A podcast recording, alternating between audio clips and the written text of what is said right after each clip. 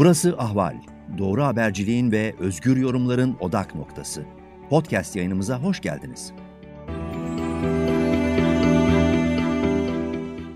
Merhaba Ahval dinleyicileri, sıcak takipteyiz. Ben Dicle Baştürk. Balıkesir'in Ayvalık ilçesi çevre felaketiyle karşı karşıya. Ayvalık'ta Karaayıt köyü yakınlarındaki Bilfer Madencilik Şirketi'ne ait depolama alanındaki atık dağı çöktü ve dereye ağır metal doldu. Zehirli atıkların dolduğu dere bölgenin sulama ihtiyacını karşılayan ve aynı zamanda Ayvalık için ileride içme suyu sağlaması da hedeflenen Madra Barajı'nı besliyor. Bölge halkı bu açıdan endişeli. Şimdi neler yaşandı ve bölge nasıl bir tehdit altında? Hepsini Ayvalık Çevre Platformu eş sözcüsü Erhan Çiftçi ile konuşacağız. Merhaba Erhan Bey. Merhabalar, iyi yayınlar. Dün Bilfer Madencilik Şirketi'ne ait depolama alanındaki atık dağı çöktü. Siz de felaketin yaşandığı Karaayıt köyündesiniz bugün. Bir de sizden dinleyebilir evet. miyiz? Neler yaşandı? Şu anda atık dağın çökmesi sonucu bölge ne durumda? Tabii ki. Biraz geriye giderek anlatmak istiyorum ben. Şimdi Karaait Köyü Ayvalık'a 17 kilometre uzaklıkta ve Madra Barajı'na çok yakın e, bir köy. Bu köyün yakınlarında 2010 yılından beri faaliyet gösteren bir demir madeni var. Ve bu demir madeni sadece topraktan çıkarılmıyor, aynı zamanda e, zenginleştirme tesisinde de ürün haline getiriliyor. Ve ortaya da büyük bir atık çıkıyor. Atık tepeleri, atık dağları diyebileceğimiz bir alan var bu köyde. Pasa diye nitelendirdiğimiz yani maden atıkları köyün hemen dibinde bir alanda depolanıyor. Ee, vahşi depolama yöntemiyle tamamen serbest bir şekilde, üzeri açık bir şekilde araziye bırakıyor ve bunun yarattığı zaten bir kirlilik var. Yani mesela köylüler çamaşır bile asamıyorlar, köyde nefes alamıyorlar. Yağmur sularıyla bu yeraltı sularına karışıyor bu atıklar ki e, toprağın altından çıkarıldığı andan itibaren atıkların içerisindeki ağır metaller falan tamamen serbest hale geliyor ve e, yeraltı sularına bu şekilde karışabiliyor. Geçmişte yaşadığımız büyük olaylar var. Mesela e, Ayvalık'ın 6 tane köyünün suyunda yüksek oranda arsenik bulundu ve içilemez raporu verildi. Balıkesir Büyükşehir Belediyesi buralara arıtma testleri falan kurdu. Ve bu 6 köyün tam merkezinde bu maden var. Ve e, atıklar e, çıplak bir şekilde, vahşi bir şekilde arazide bekliyor bu şekilde. Daha önce yine böyle bir çökme yaşanmıştı. Bu ikinci oldu. E, 12 Aralık Pazar günü e, Ayvalık'ta son dönemde çok yağmur yağdığı için yağmurların etkisiyle burada bir heyelan meydana geldi, bir göçük meydana geldi. Bu, bu göçün etkisiyle duvarlar yıkılarak e, buradaki pasa dediğimiz malzeme Bektaş Deresi adındaki dereye karıştı. Bektaş Deresi de Karahit köyünden gelen, madenin hemen yanından geçen, pasa alanının hemen yanından geçen ve gidip hemen Madra Barajı'na dökülen bir dere. Zaten e, bu atık tesisiyle, atık alanıyla Madra Barajı kuş uçumu 300 metre çok yakın birbirine. Madra Barajı nasıl bir baraj? Bölgede zeytin üretimi çok yaygın biliyorsunuz. Ayvalık demek zeytin demek. Zeytinlerin sulanması için, tarım ürünlerinin sulanması için ve içme suyu ihtiyacının ileride karşılanması için hazırlanmış bir baraj. Bektaş Deresi buradaki atıkların bünyesinde bulunan ağır metalleri de içine alıp Biraz önce gittim baktım yine hala çamur şeklinde akıyor. Biraz derlemişler, toparlamışlar çevreyi ama e, duvarları yenilemişler ama yine aynı şekilde çamurlu akıyor bu dere ve gidiyor Madra Barajı'na karışıyor. Hı hı. Olay peki, bu. Peki şirket ne diyor bu duruma? Nasıl bir açıklama getiriyor? Çünkü daha önce de benzer bir durum yaşandı. E, şir- şirket yetkilileri her zaman bir kılıfını buluyorlar. E, apar topar tedbirler alıyorlar. Daha önce de böyle bir geç, göçük yaşandı işte dereye karışmadığını söylüyorlar.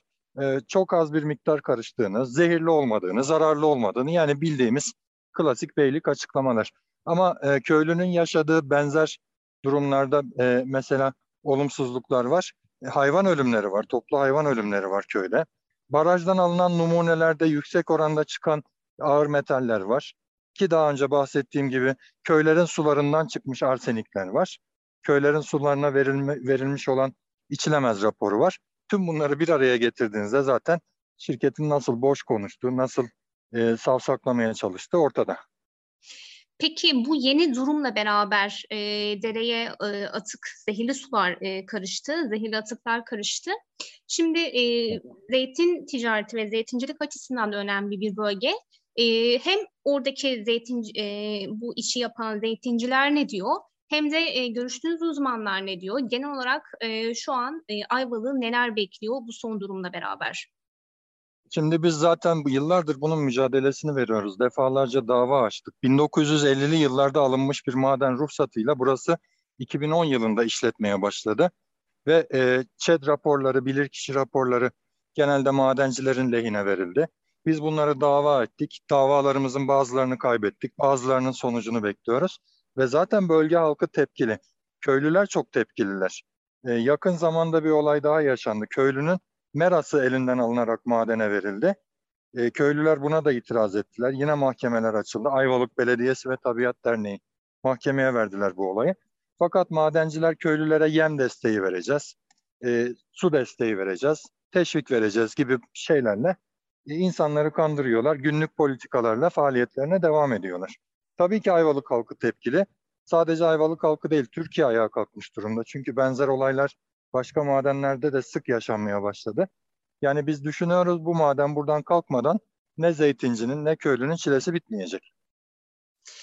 Peki hukuki mücadele yürüttüğünüzü söylemiştiniz. Buradaki maden Evet. şirketine karşı da e, açtığınız bir dava var bildiğimiz kadarıyla. Hangi aşamada süreç şu an?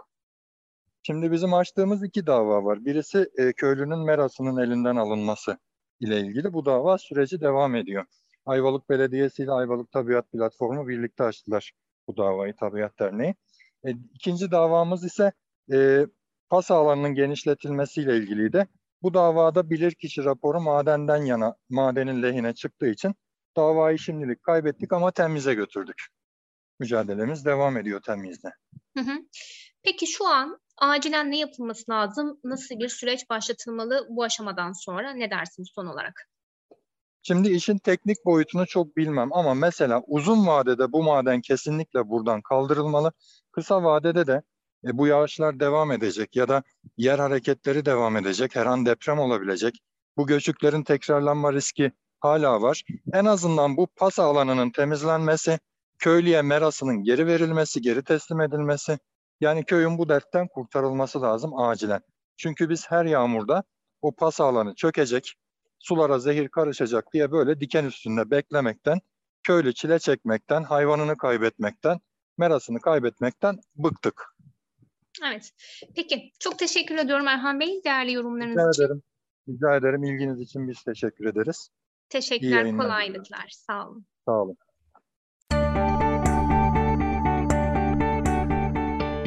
Ahval podcastlerini tüm mobil telefonlarda Spotify, SoundCloud ve Spreaker üzerinden dinleyebilirsiniz. Apple iPhone kullanıcıları bize iTunes üzerinden de ulaşabilir. Türkiye'nin ve hayatın cıvıl cıvıl sesleri Ahval Podcast dizisinde. Kulağınız bizde olsun.